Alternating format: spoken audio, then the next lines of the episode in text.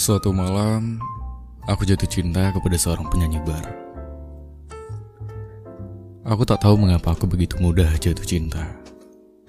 Masalahku sehari-hari adalah masalah pekerjaan.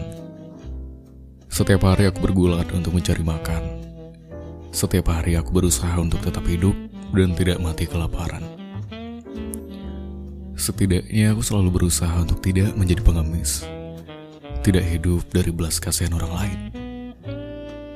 Selama ini, wanita bagiku hanya seperti segelas air putih. Sekedar menghilangkan haus tanpa meninggalkan kesan khusus. Itulah sebabnya peristiwa jatuh cinta itu menjadi kejutan dalam hidupku. Aku hanyalah seorang perantau kecil yang selalu kesepian.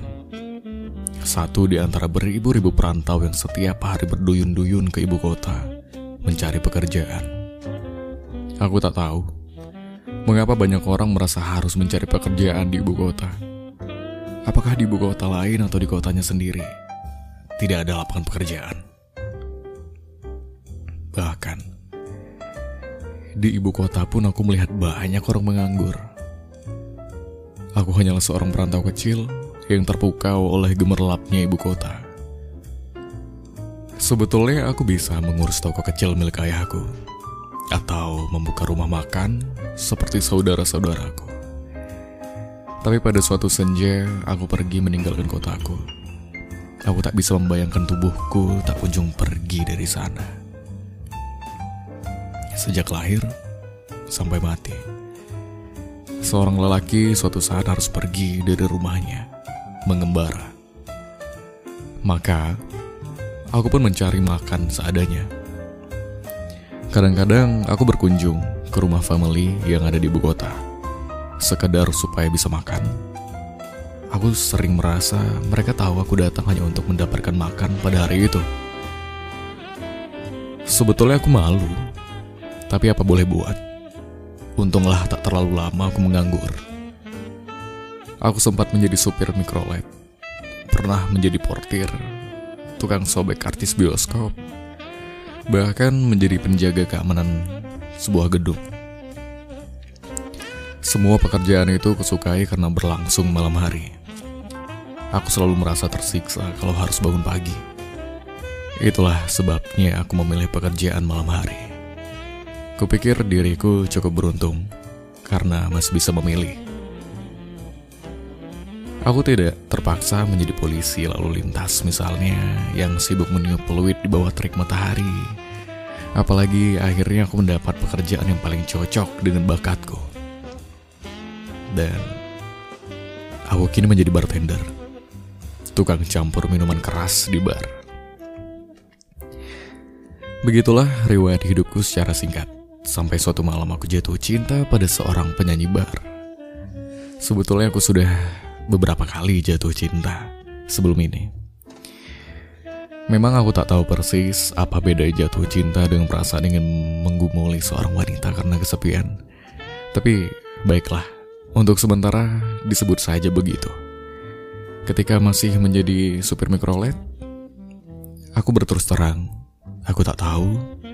Hampir semua semua supir mikrolet yang biasa makan di warung itu pernah menyatakan cinta padanya. Dan wanita itu selalu menjawab, ia menyukai lelaki itu juga. Ini ku dengar dari setiap sopir yang bercerita padaku. Cintaku tak luntur karena itu, malah aku makin mengaguminya. Betapa seorang wanita menjual cinta untuk hidupnya. Alangkah besarnya hidup. Ketika bekerja sebagai tukang sobek artis bioskop, aku berpacaran dengan seorang rekan. Tugasnya mengantar penonton ke bangku-bangku sesuai dengan nomor yang tertera pada karcis mereka. Ia selalu membawa senter ke mana-mana kalau film sudah main dan ada penonton terlambat, sorot lampu senternya berkelabatan dengan gelap. Menuntun penonton yang tertatih gelap di antara bangku-bangku yang kosong. Tapi, rasanya aku tidak serius dengan dia. Aku memacari dia hanya untuk memuaskan kebutuhan tubuhku saja. Kupikir ia pun bersikap seperti itu. Antara kami telah terjadi barter Yang adil, tak ada cinta, toh aku masih selalu terkenang kehangatannya. Bagaimana rohnya bisa tersibak-sibak, menggairahkan. Ketika film sedang seru-serunya dan tak seorang penonton pun memperhatikan bangku-bangku yang kosong. Di mana kami saling berpeluk dan meraba dalam kegelapan. Begitulah, suatu malam aku jatuh cinta pada seorang penyanyi bar. Kejadiannya begitu singkat. Pintu terbuka, ia muncul, aku melihatnya dan langsung jatuh cinta.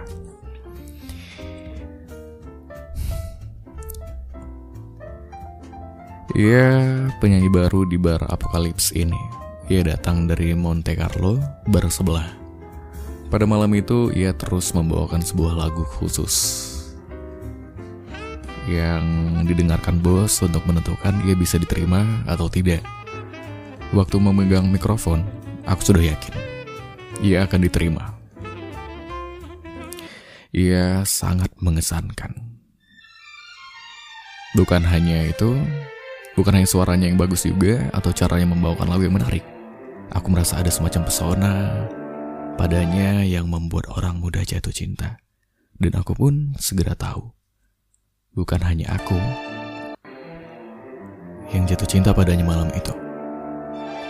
Aku masih ingat kalimat pertama nyanyiannya sampai bertahun-tahun. Drift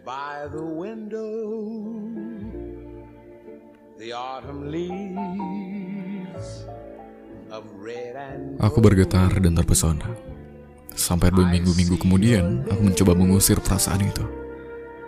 Tapi aku cepat menyerah. Aku tak berhenti mengaguminya. Meskipun aku tak pernah berbicara kepadanya. Maklumlah, aku hanya seorang bartender, tukang campur minuman. Penyanyi bar kadang-kadang kelewat angkuh dan tinggi hati, meskipun kami sama-sama kecoa. Penyanyi bar biasa merasa lebih tinggi derajatnya dari waiters yang mondar-mandir membawakan minuman juga merasa lebih tinggi dari bar girl yang kerjanya menemani tamu-tamu minum. Tentu ia akan merasa jauh lebih tinggi pula dari Mrs. Girl, para pemijat yang menjual pula tubuhnya di lantai atas. Aku mencintainya dengan diam. Meskipun penyanyi itu hanya menegurku jika minta minuman, kadang-kadang bahkan ia tidak menegur, hanya menyebut nama minuman dan aku merasa harus tahu diri untuk tidak tersinggung, apalagi aku sangat mengaguminya. Aku sering memperhatikannya diam-diam. Bila ia duduk di kursi bar yang tinggi itu dan mendekatkan gelas ke mulutnya yang indah, bibirnya yang disaput lipstik merah menyala berpadu dengan kecer kecer kecemerlangan gelas yang berkilat karena gebiar cahaya dari panggung. Aku selalu melihat adegan itu seperti menyaksikan pemandangan yang indah. Penyanyi itu akan minum perlahan-lahan, seolah jatuh dari kebisangan band yang menggentak ruangan. Ia senang memperhatikan embun pada dinding gelas.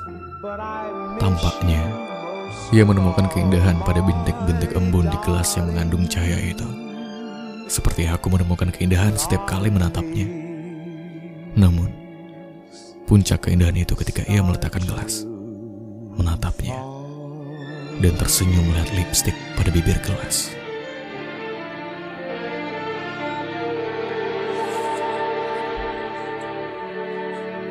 Lipstick karya Seno Gumira Aji Dharma